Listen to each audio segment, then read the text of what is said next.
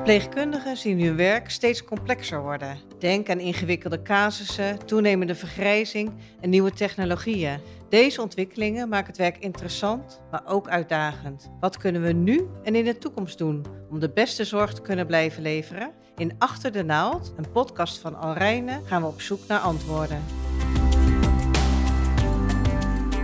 Hallo, ik ben Lisette.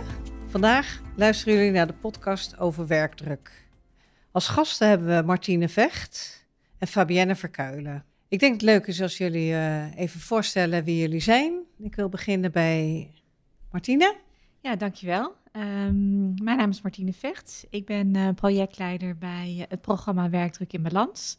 En dat is een programma dat is opgezet om uh, iets te doen aan de werkdruk in het ziekenhuis en de verpleeghuizen. Ja, en hoe lang ben je al werkzaam in het Alrene? Nog maar heel kort. Ik ben hier uh, in mei 2021 begonnen als uh, stagiaire bij B2E. Daar heb ik onderzoek gedaan naar, uh, naar de werkdruk en um, interventies helpen ontwikkelen. En daarna, dat beviel overigens weer zo goed dat ze hebben gevraagd of ik wilde blijven. Dus ik heb daarna eventjes gefreelanced en nu ben ik sinds 1 januari in loondienst. Fabienne? Ja, nu ik nog. Uh, ik ben Fabienne Verkuilen. Ik ben nu vijf jaar dan gediplomeerd als schoolverpleegkundige. En nu een half jaar als IC-verpleegkundige hier in het Alrijnen. Ja, geboren en getogen hier. Dus, uh, geboren en getogen ja. in het Alrijnen. Ja. Ik ben ook geboren in het Alrijnen? Ik ben ook geboren oh, in het Alrijnen, dus dat is wel wel. Ja, dat... Elisabeth of het Rijnland, hoe het heet. Ja. ja, leuk. Nou ja, het onderwerp uh, werkdruk uh, vandaag. Uh, ik, ik, denk dat dat iedereen wel aanspreekt als ik namens iedereen mag spreken, zoals ze dat altijd zeggen. we zien ook dat de werkdruk eigenlijk wel is toegenomen. In ieder geval de beleving van werkdruk is toegenomen. Um, wat ik leuk zou vinden als we daar vandaag gewoon ook wat ervaringen kunnen uitwisselen. Fabienne, dat jij wat kan vertellen over je ervaring met werkdruk en wat voor jou werkdruk dan is. En voor jou is het natuurlijk leuk om te horen wat je eraan aan onderzoek naar boven is gekomen en wat voor interventies je daarop hebt ontwikkeld.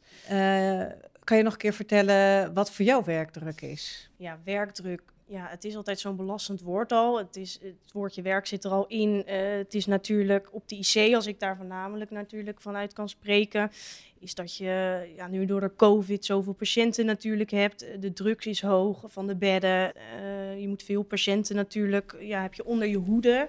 Um, ook is het een emotionele belasting, want ja, je gaat maar door, je gaat maar door, je kan eigenlijk niet stoppen. Dus ik denk dat ik dat voornamelijk meer een grotere uitdaging vond. Uh, de, random, de randzaken, zeg maar, eromheen. Dus uh, je leerplein, uh, je werkgroepen die je moet doen, dat gaat allemaal door. Uh, en dat blijft wel een beetje zo achter in je hoofd, dat moet ik ook allemaal nog doen. En dat is ook wel echt een werkdruk. Want ja, niet iedereen zit erop te wachten om dat ook nog eens thuis te moeten doen als je natuurlijk gewoon hard gewerkt hebt. Uh, en op de IC is het ook soms anders. Het is niet uh, zoals op de verpleegafdeling dat je 13 patiënten hebt, wat hartstikke druk ook is. Dat kan ik me heel goed herinneren nog.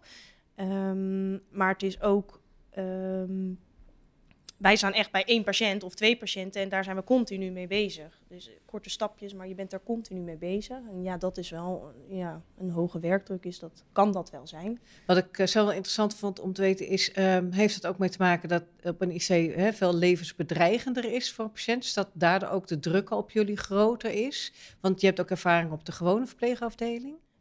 Um, dat is het ook, maar, maar op de verpleegafdeling heb je ook wel echt een hoge werkdruk. Want als ik me dan kan herinneren dat ik op de uh, C4 werkte, daar werkte ik.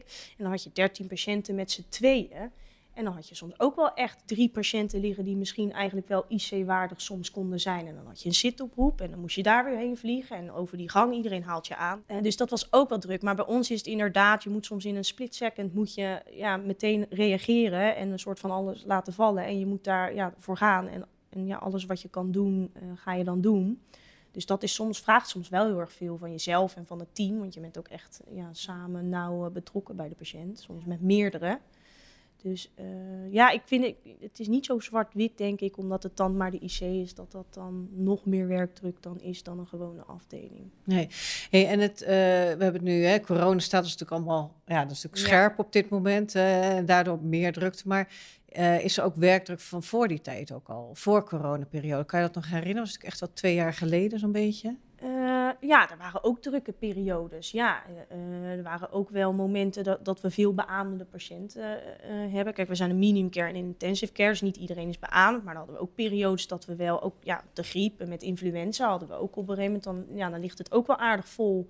En dan had je soms ook gewoon twee beaamde patiënten. En dan kan je denken, ja, die slapen, maar dan moest je genoeg doen je moet alles, je moet zo zien, je moet alles voor iemand overnemen.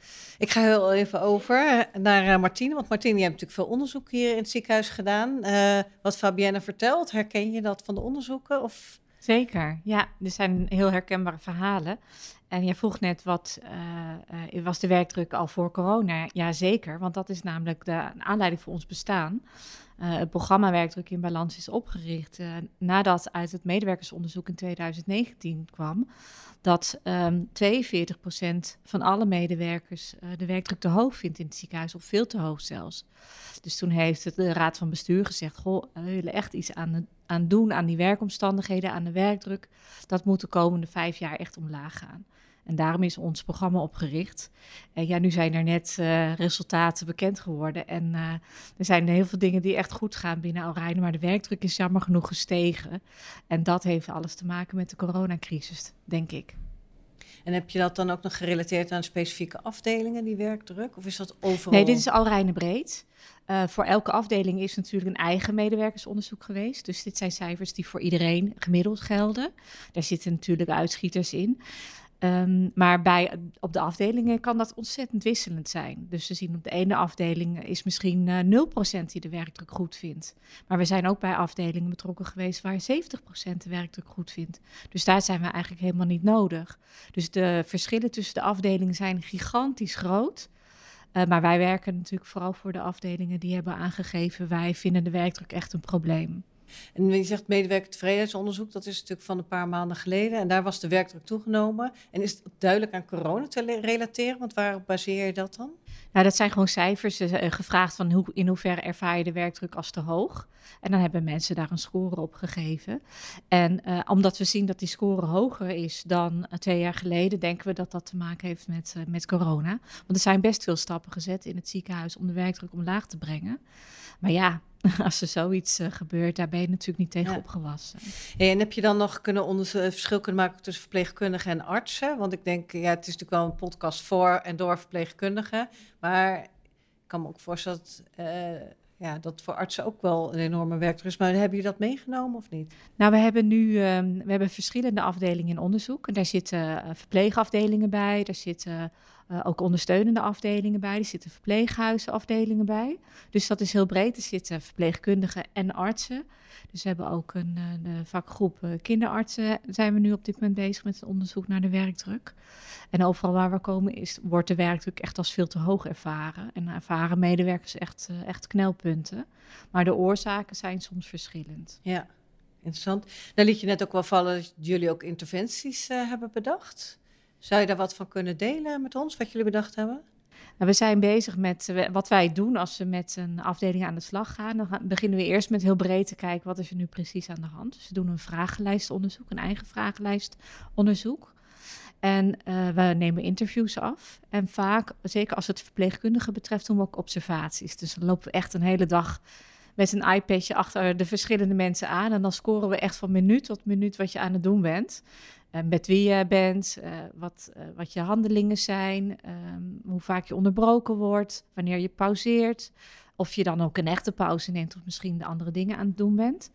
En al die gegevens stoppen we bij elkaar. En dan kijken we eerst naar wat, wat zien we nou als patronen bij jullie eh, team. En heel vaak komt daar bijvoorbeeld uit dat er een cognitieve disbalans is.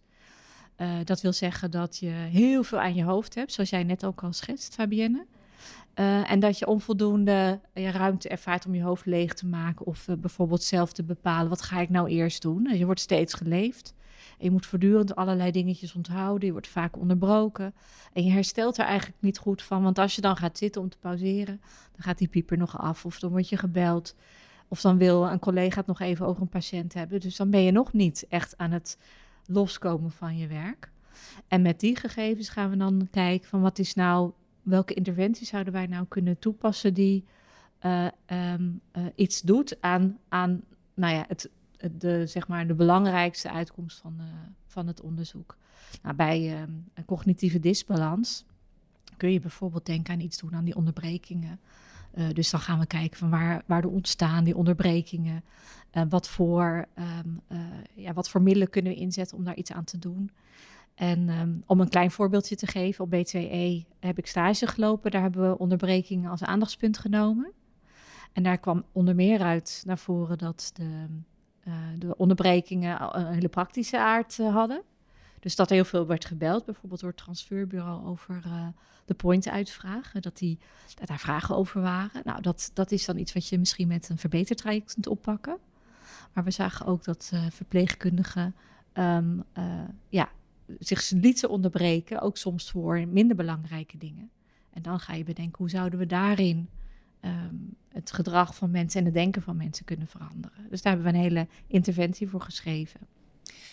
Ja, heel, heel interessant om, om te horen. Ik ben natuurlijk benieuwd, Fabienne, zijn er al dingen van doorgecijpeld naar jullie afdeling? Um, maar wij liepen zelf ook tegen dingen natuurlijk op een gegeven moment aan over die, uh, het leerplein, werkgroepen, dat dat niet kwam. En dan ga je zelf ook natuurlijk een beetje bedenken, een beetje creatief zijn, wat kunnen we doen? Nou, toen gingen we ook proberen van, nou, hè, wat nou als iemand je patiënt even kan overnemen, dan kan jij een half uur tot een uur even terugtrekken. Nou, dat, dat werkte ook wel goed. Een paar dagen. En dan op een gegeven moment ja, sluipt dat er toch weer een beetje in. En dan hadden we het er ook over van het sociale component. is ook gewoon dat je ook eens een keer even met elkaar kan zitten, even met elkaar kan praten of uh, vertellen dat je ergens moeite mee hebt. Dat vonden we ook belangrijk. Maar ja, dan zie je dat het punt waar het eigenlijk om ging, gewoon een beetje naar de achtergrond weer gaat. Um, dus daar hadden we het ook over. Dus misschien heb je daar nog leuke, goede tips voor. Um, dus ja dat, ja, dat speelt wel bij ons. Ik denk dat dat overal ook wel speelt. Iedereen daar wel een beetje mee, uh, mee kant, denk ik. Ik denk ja. dat, dat uh, afdelingen ook heel goed bezig zijn om te kijken waar zitten onze knelpunten. Ja. En we zien dat ze jaarplannen maken en daar zelf ook al knelpunten uithalen en uh, heel proactief ermee aan de slag gaan. We hebben natuurlijk samen beter wat mensen helpt om continu te verbeteren. Maar het probleem wat jij noemt, bijvoorbeeld uh, het, het, het, proberen om tijd te reserveren om aan je, aan je leerplein en aan je werkgroepen te zitten. Uh, dat zien wij ook heel sterk uh, bij de afdelingen die wij in onderzoek hebben. En een van de redenen daarvoor, en dat geldt misschien bij jullie ook wel, dat het dan misschien toch niet zo goed uitpakt, hè, die afspraken die je met elkaar maakt, is, uh, heeft vaak te maken met de omstandigheden en met de plek waar je gaat zitten om uh, aan je leerplein te werken. En wij zien bijvoorbeeld bij eigenlijk alle afdelingen dat de teampost, een, dat is een multifunctionele ruimte. En daar zit je je, je bestanden bij te werken. Daar moet je bijvoorbeeld je, je leerplein doen. Uh, of misschien eventjes wat, wat mailen met iemand. Maar dat is ook de, een bijenkorf. Dus ja. iedereen loopt daar binnen. Of een komt, zoals het altijd ja, dus, iedereen ziet je zitten. Dus het is echt heel erg logisch dat je dan op een gegeven moment denkt van... nou, zit ik hier even rustig? Ja, dan heb ik ook tijd voor een praatje. Dat is ook wel heel erg lekker. Dus daar zijn wel... Uh, uh, dat is heel herkenbaar. En, uh, en dat is ook wel iets wat we signaleren. Want dat vinden we door het hele ziekenhuis heen, de pauzeplekken en de teamposten, eigenlijk niet echt de rustige plekken die je mensen toewenst als ze eventjes iets iets willen doen waar ze concentratie voor nodig hebben. Heel grappig, hè? Als ik zit nu ondertussen gaan bij die radertjes natuurlijk ook alle kanten op. Want er wordt in het ziekenhuis natuurlijk ook veel aandacht aan besteed. Dan zet je patiënt op tweeën, aandacht voor jezelf. Want ik denk, we zijn natuurlijk al heel erg met onze patiënten bezig dat je proactief moet gaan verplegen. Hè? Dat uh, hè, alles wat je van tevoren weet, daar heb je winst bij in de zorg. Ja. Maar eigenlijk zijn we, als ik jou zo hoor, niet zo heel erg goed in proactief voor onszelf zorgen. Dat is natuurlijk ook heel veel voorwaarden scheppend ook, uh, wat je noemt interessant. Want ik denk dat we daar wel wat meer voor nodig hebben hier binnen het ziekenhuis dan alleen uh, uh, een, een, plekje. Uh. Nou ja, het is, dit is ook een stuk bewustwording, denk ik. Hè? Want als, als we het dan zo over hebben, en misschien is dat bij jou dan inderdaad zo op de afdeling, dat jullie in de teampost zitten om je, om je, om je leerplein te doen, bijvoorbeeld. Um, en dan, dan, ja, dan helpt het om te bedenken van... hé, hey, dit is misschien niet de allerbeste plek om te gaan zitten. Zijn er nog andere plekken waar ik kan zitten... waar ik echt even afgezonderd ben en niemand me ziet... zodat ik me echt even kan concentreren. En dan komt het wel aan op beseffen van... hé, hey, maar dit is wel goed voor mij om dit nu te doen. En ik ga, uh, ik ga daar ook echt een punt van maken. En uh, laten we ook samen als collega's elkaar daar scherp op houden... dat we en-en hebben de teamleider daarbij betrekken. Hoe kunnen we nou zorgen dat we en goed voor onze patiënt zorgen, maar ook zorgen dat we toekomen aan onze eigen werkzaamheden. Dus het vraagt wel dat je inderdaad als team uh, en als teamleider zegt van nee, maar dit is belangrijk. Wij gaan dat prioriteren. En dan uh, zet je jezelf natuurlijk op één. En dan kun je daarna ook weer er helemaal zijn voor je patiënt. Ja, ik ga eventjes gewoon een hele andere kant op. Want nou, ik denk dat ik denk dan gelijk even ziekenhuisbreed. Uh, Fabienne werkt, ik werk natuurlijk zelf ook op een verpleegafdeling, dat we allemaal nog steeds op onze eilandjes zitten. Um, we hebben een tijdje terug, dan ga ik toch heel even op de coronatijd teruggrijpen, hebben we natuurlijk uh, de eerste golf. We hadden een fantastische samenwerking binnen het ziekenhuis. fysiotherapeuten die met bedden rondliepen en zo. En dat is gewoon weer een soort van over. Naar mij, hoe is jouw ervaring daarin? Ja, dat is ook wel over. Maar dat is ook omdat ja, die fysiotherapeuten hebben ook gewoon hun werk die natuurlijk uiteindelijk doorgaat. Uh, en ja, er zijn ook naar andere manieren uiteindelijk dan bij ons zeg maar gezorgd. Kijk, wij hebben de buddies, dus uh, die komen van de verpleegkundigen van de verpleegafdelingen zijn dat. Die hebben wij dan als hulp er zeg maar bij. Uh, we hebben anesthesiemedewerkers, sommige mensen van de OK die dan bij ons komen helpen. En we hebben ook veel oud uh, verpleegkundigen, zeg maar. Die, nou ja, oud mag ik misschien niet zo zeggen, maar uh, die zijn weer teruggekomen, zeg maar. Um, maar dat is inderdaad, ja, die eerste golf, ja, het was natuurlijk een ramp toen het gebeurde. En iedereen was natuurlijk, wat overkomt ons nou? We moeten dit met elkaar aanpakken, het samen al reinen. En ik heb niet het idee dat dat volledig over is, maar het, het, is niet ook meer zoals de eerste golf. Het is wel, ja, we zijn er ergens een beetje gewend aan geraakt, denk ik. Ja, ben ik ook, ja. Nou, eigenlijk gerelateerd aan de werkdruk. Verlicht, ja. verlicht het de werkdruk of gaf het eigenlijk meer werkdruk? Uh, misschien in het begin, omdat je er wel wat meer tijd in moest steken, zeg maar. Vond ik dan, uh, je moest best wel veel dingen natuurlijk uitleggen, terwijl je dat eigenlijk in het begin niet echt uh, kon gebruiken. maar nu heb je er wel echt, moet ik echt zeggen, ja, we hebben er echt wel heel erg veel aan. Ja, we zijn heel erg blij met alle hulp. Ja. Want het systeem werkt nog steeds? Dat van die fysiotherapeuten. Ja, nee, die, uh, gewoon van mensen van de afdeling. Ja, met de buddies. Ja, want er zijn dan ook op een gegeven moment verpleegkundigen konden zich dan ook op een gegeven moment aanmelden om dan een, een, een soort opleiding te doen. Dat is een soort, uh, dan krijgen ze een paar, uh, bij het NMC was dat, krijgen ze een paar cursussen, zeg maar. Dan moesten ze ook een toets doen. Um, en dan op een gegeven moment komen ze iedere maand of om de twee maanden komen ze dan steeds weer een dagje terug. Ook al was het rustig met corona, om een beetje die skills een beetje te houden. En ook toch, denk ook wel goed van, oh, die IC, oh, hè, die spannende mensen daar of zo. Dat ook een beetje die taboe eraf te halen. Dus dat werkt nu nog steeds. Maar je geeft ook aan van, het is natuurlijk ook, hè, we zijn er ook een beetje aan gewend geraakt. Ja. Er liggen ook heel veel plannen liggen er denk ik ook al klaar. Ja, hè? Dat als er nu wat is. Dus, maar goed, dat is dus ook hè, dat proactief. Hè? Ik, volgens mij is dat echt wel iets. Herken je dat? Als we goed voorbereid zijn, dat we ook beter kunnen inspringen en omgaan met? Of is dat iets wat jij niet mee hebt genomen? Nee, dat, nou, dat, ik, kan er, ja, ik kom zelf niet uit de zorg, dus dat, vind ik lastig om te zeggen. Um, wat, ik, wat mij wel heel erg opvalt, is dat iedereen heel um, bereidwillig is. En ik vind de collegialiteit ook gigantisch groot. Als wij kijken naar hoe uh, functioneren afdelingen, dan hoor je in ieder geval wel van dat, de, dat de, de, de sfeer uh, heel erg helpt om uh, ja, moeilijke periodes vol te houden. En jij noemde net bijvoorbeeld de, de, de emotionele uh, balans, hè, het effect wat het op je heeft als je zo voor zulke ernstig zieke patiënten moet zorgen. En dat is een van de meest opvallende uitkomsten uit ons onderzoek. Dat uh, eigenlijk op, op het vlak van de emotionele balans, dat het heel erg goed gaat eigenlijk binnen Alrijnen. En dat zit hem volgens mij voor een heel groot deel in de sociale steun door collega's en de sociale steun door de leidinggevende. Um, en, en wellicht ook wel door de organisatie als geheel.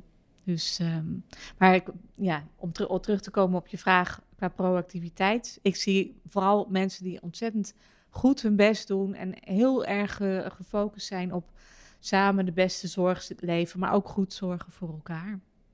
Ja, dat is ook een van de pijlers van het ziekenhuis, hè, van de strategie. Ja, we zorgen goed voor onze collega's, want daar komt het volgens mij ook vanuit, hè, jouw, ja. uh, jouw projectje. Ja. Ja, ik weet niet. Zijn er nog dingen die jullie graag zelf aan het woord willen komen? Fabienne, eh? Fabienne is er nog iets wat jij graag. Uh... Nou, ik was nog wel meer benieuwd naar jouw werkgroep, waar jij nog, ja, de dingen waar jullie, ja, wat jullie nog gingen doen, of waar jullie nog meer mee bezig zijn. Ja, misschien wat meer handvaten, waar iedereen zich denk ik in kan herkennen, zeg maar. Ja, ik vind het altijd wel, uh, als je kijkt naar dat we, we zorgen allemaal goed voor de patiënt. We moeten voor onszelf zorgen, dat weten we ook. Maar het zit ook een beetje in het aard van het beestje van een verpleegkundige om toch die patiënt altijd maar op één te zetten. En ik weet zelf hoe moeilijk dat soms wel eens is om dan even te zeggen, ja, ho, nu even niet. Uh, ik moet even eerst zelf dit doen. Ik weet hoe moeilijk dat is. Ik zat er vandaag ook op te letten. Toen dacht ik, oh ja, dit is een onderbreking. Oh, dit is er weer een, dit is er weer een. Ik denk, ja, uh, ik weet even niet hoe ik nou moet zeggen. Uh, stop. Dat, dat, ja, dat is, je bent je er ergens wel bewust van, maar het is ook een bepaald gedrag. En ik weet dat gedrag vaak veranderen heel moeilijk is. Klopt, dat is ook zo, ja. ja. We zien dat uh, uh, wat jij beschrijft, de onderbrekingen, dat, dat is zeker een aandachtspunt waar mensen ook zelf een rol in spelen. Kijk, um, uh, dat is best wel een lastig punt, want onderbrekingen, dat hoort gewoon bij de dynamiek van een ziekenhuis. Je hebt een patiënt die komt binnen en uh, daar zijn omstandigheden veranderen steeds, heeft steeds andere zorg nodig. Dus je bent daar heel erg, uh, heel erg mee bezig en je hebt ook voortdurend andere disciplines nodig om, om ja, die zorg te leveren. En tegelijkertijd, wat wij zien, is dat niet alle onderbrekingen nuttig en nodig zijn. En dat men elkaar ook wel onderbreekt uit gemak. Ja. En heel vaak gaat het dan over waar is dit, waar is dat? Of weet jij hoe het met die gaat? Of eigenlijk dingen die je, als je ze uh, sec bekijkt, best op een andere manier zou kunnen oplossen. En wat we hebben gemerkt is dat als mensen daar afspraken over proberen te maken met elkaar, van we gaan dat niet meer doen, dat werkt vaak niet. Nee, nee want je zit heel erg snel terug weer in dat oude systeem van, ja, zo vermoeid is het toch niet om even te reageren. Dus waar wij, wat wij eh, echt graag willen, willen bewerkstelligen. Want uh, ik denk de, echt dat het ziekenhuis breed in elk ziekenhuis zo werkt. Maar wat wij graag zouden zien is dat uh, mensen zich beseffen dat als je je laat onderbreken voor niet urgente of niet zo belangrijke dingen, dat dat uiteindelijk ten eerste ten koste gaat van de tijd die je bij de patiënt kan doorbrengen. Maar dat je dan op dat moment ook niet bezig bent met de dingen waar jij eigenlijk voor aangenomen bent. Even los van als het urgent en belangrijk is, zoals op de IC. Hè. Soms moet je alles uit je handen laten vallen. Daar hebben we het niet over. We hebben het over die kleine verstoringen waarvan je denkt, dat kan toch wel even. Um, en uh, uh, wat we graag zouden zien, dat, dat iedereen van zichzelf in ieder geval denkt... maar wacht even, als ik, als ik me nu laat onderbreken dan uh, moet ik weer iets extra's in mijn hoofd onthouden. Of uh, dan ben ik eigenlijk bezig met andermans werk of iemand anders het werk uh, makkelijker maken. Of ik ben niet bezig, eh, ik, ik heb nu minder tijd om bij de patiënt te gaan zitten. Een van de dingen die, die mij nog heel erg bijbleef uit de interviews was dat iemand vertelde dat het was zo druk op een afdeling, ze hadden heel veel buitenbedden. En het was er geregeld. Het was zo lastig om beleid te krijgen. Maar er lagen ook COVID-patiënten. En aan het eind van de dag zei zij: Wat nou het erg is, ik ben niet, helemaal niet, niet even bij die patiënt binnen kunnen gaan. Om even rustig bij uh, hem of haar te gaan zitten en even een praatje te maken. Die persoon ligt daar helemaal alleen. En ik was alleen maar aan het, ja, aan het redderen en aan het doen en aan het chasen. Dus uh, als je opkomt voor jezelf, uh, en zegt van nu even niet, uh, dan doe je dat voor jezelf om minder gek te worden in je hoofd, zeg maar. Maar je doet het uiteindelijk ook voor de patiënt. Dus dat zijn wel dingen waar, uh, wat, waarvan wij denken dat is goed als we daar met z'n allen ons bewust van zijn. Ja, mooi punt wat je noemt natuurlijk. We doen het voor de patiënt, want dat is natuurlijk sowieso ons uiteindelijke doel, hè, dat het heel goed uh, met de patiënt gaat. Ik zou nog wel graag een tip willen geven. Um, en die tip gaat over, uh, over pauzeren in het ziekenhuis. dat is volgens mij best wel een groot aandachtspunt voor iedereen. Dat zien we ook heel erg terug in, in onze onderzoeken. En we horen heel vaak van verpleegkundigen dat ze het fijn vinden om samen te pauzeren. En dan gaan ze op elkaar wachten en elkaar roepen. ik zie Fabienne knikken. en, um, en dan uiteindelijk heb je dus een kortere pauze. En als je dan pauzeert, dan zit je met elkaar. Uh, en dan word je nog steeds uh, soms gestoord door de bel of door de telefoon. Dus ik zou, uh, ja, ik zou willen aanbevelen dat als je nou um, toe bent aan je pauze, dat je dan toch vooral eerst kiest voor jezelf. Dat je dus niet ja, het is heel fijn en wenselijk om met elkaar te pauzeren. Dat je dan misschien toch zegt, nou, ik ga alvast even alleen. Ik ga ook van de afdeling af. Want dat kan volgens mij nu gewoon weer. En het, eh, het restaurant zit allerlei mensen te eten. Sommige afdelingen hebben tijdelijk gezegd, dat doen we even niet. Maar ik zou dat wel doen. Ga gewoon even van de afdeling af. Geef je pieper even af. ga even uit die, uit, bij je patiënten weg en, en gewoon even, maak even tijd voor jezelf. En doe het met één collega en dan heb je ook al een, even een gezellig moment. Ehm, want op de afdeling pauzeren hebben we gezien dat dat gewoon lastig is om dan los te komen van je werk. Bij ons op de IC kan dat niet. Ja, dat zit hem voornamelijk in als wij een reanimatie uh, hebben of we moeten uh, met een zitoproep. Dus dan gaan we naar de afdeling een patiënt eventueel ophalen. Dan kunnen wij gewoon niet weg. Dan staan we gewoon vast. Dan hebben we gewoon de poppetjes nodig. Uh, wat kunnen wij dan doen? Ja, hoe moeten wij ons dan terugtrekken? Of heb je daar iets? Voor. Dat vind ik nou, wel interessant. ik denk dat dat, dat dat op meer afdelingen geldt. Uh, want soms sta je gewoon niet met voldoende mensen om van uh, de afdeling af te gaan. Uh, en toch denk ik wel dat, dat jij je pauzes heel hard nodig hebt. Want als jij niet pauzeert, dan raak je uitgeput en dan gaat je werkplezier er ook op achteruit. Dus wat zou jij zelf kunnen doen, denk je, als je wil pauzeren?